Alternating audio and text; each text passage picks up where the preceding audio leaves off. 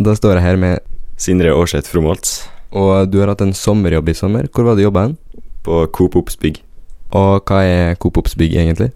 Coop Ops Bygg det er på en måte en kjede hvor eh, man selger fullt av jernvarer og trelast og litt maling og diverse.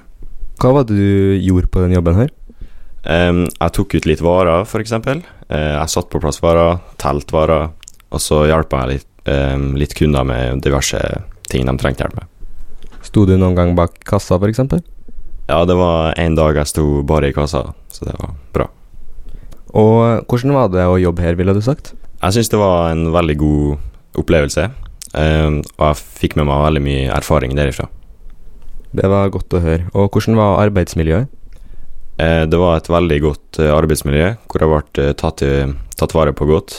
Og det var mm, mange som liksom fulgte meg opp eh, videre. da. Var det flere enn deg som jobba på sommerjobb der, eller var du den eneste?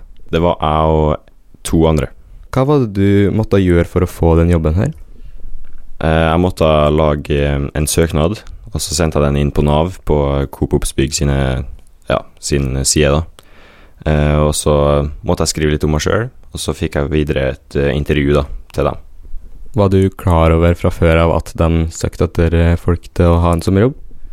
Eh, Ja, jeg fikk høre det fra foreldrene mine, og så ble jeg på en måte veileda derifra.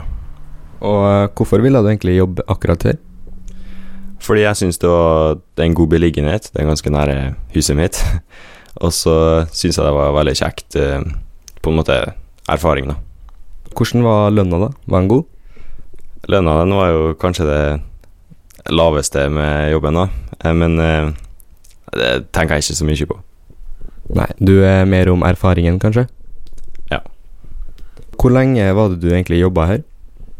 Jeg jobba der i sånn tre uker, men eh, jeg jobba ganske lite hver uke, da. Så, men jeg fikk nå mye erfaring likevel.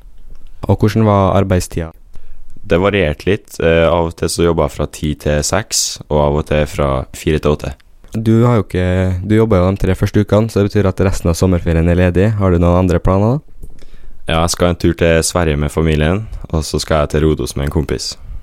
Tusen takk for det intervjuet her.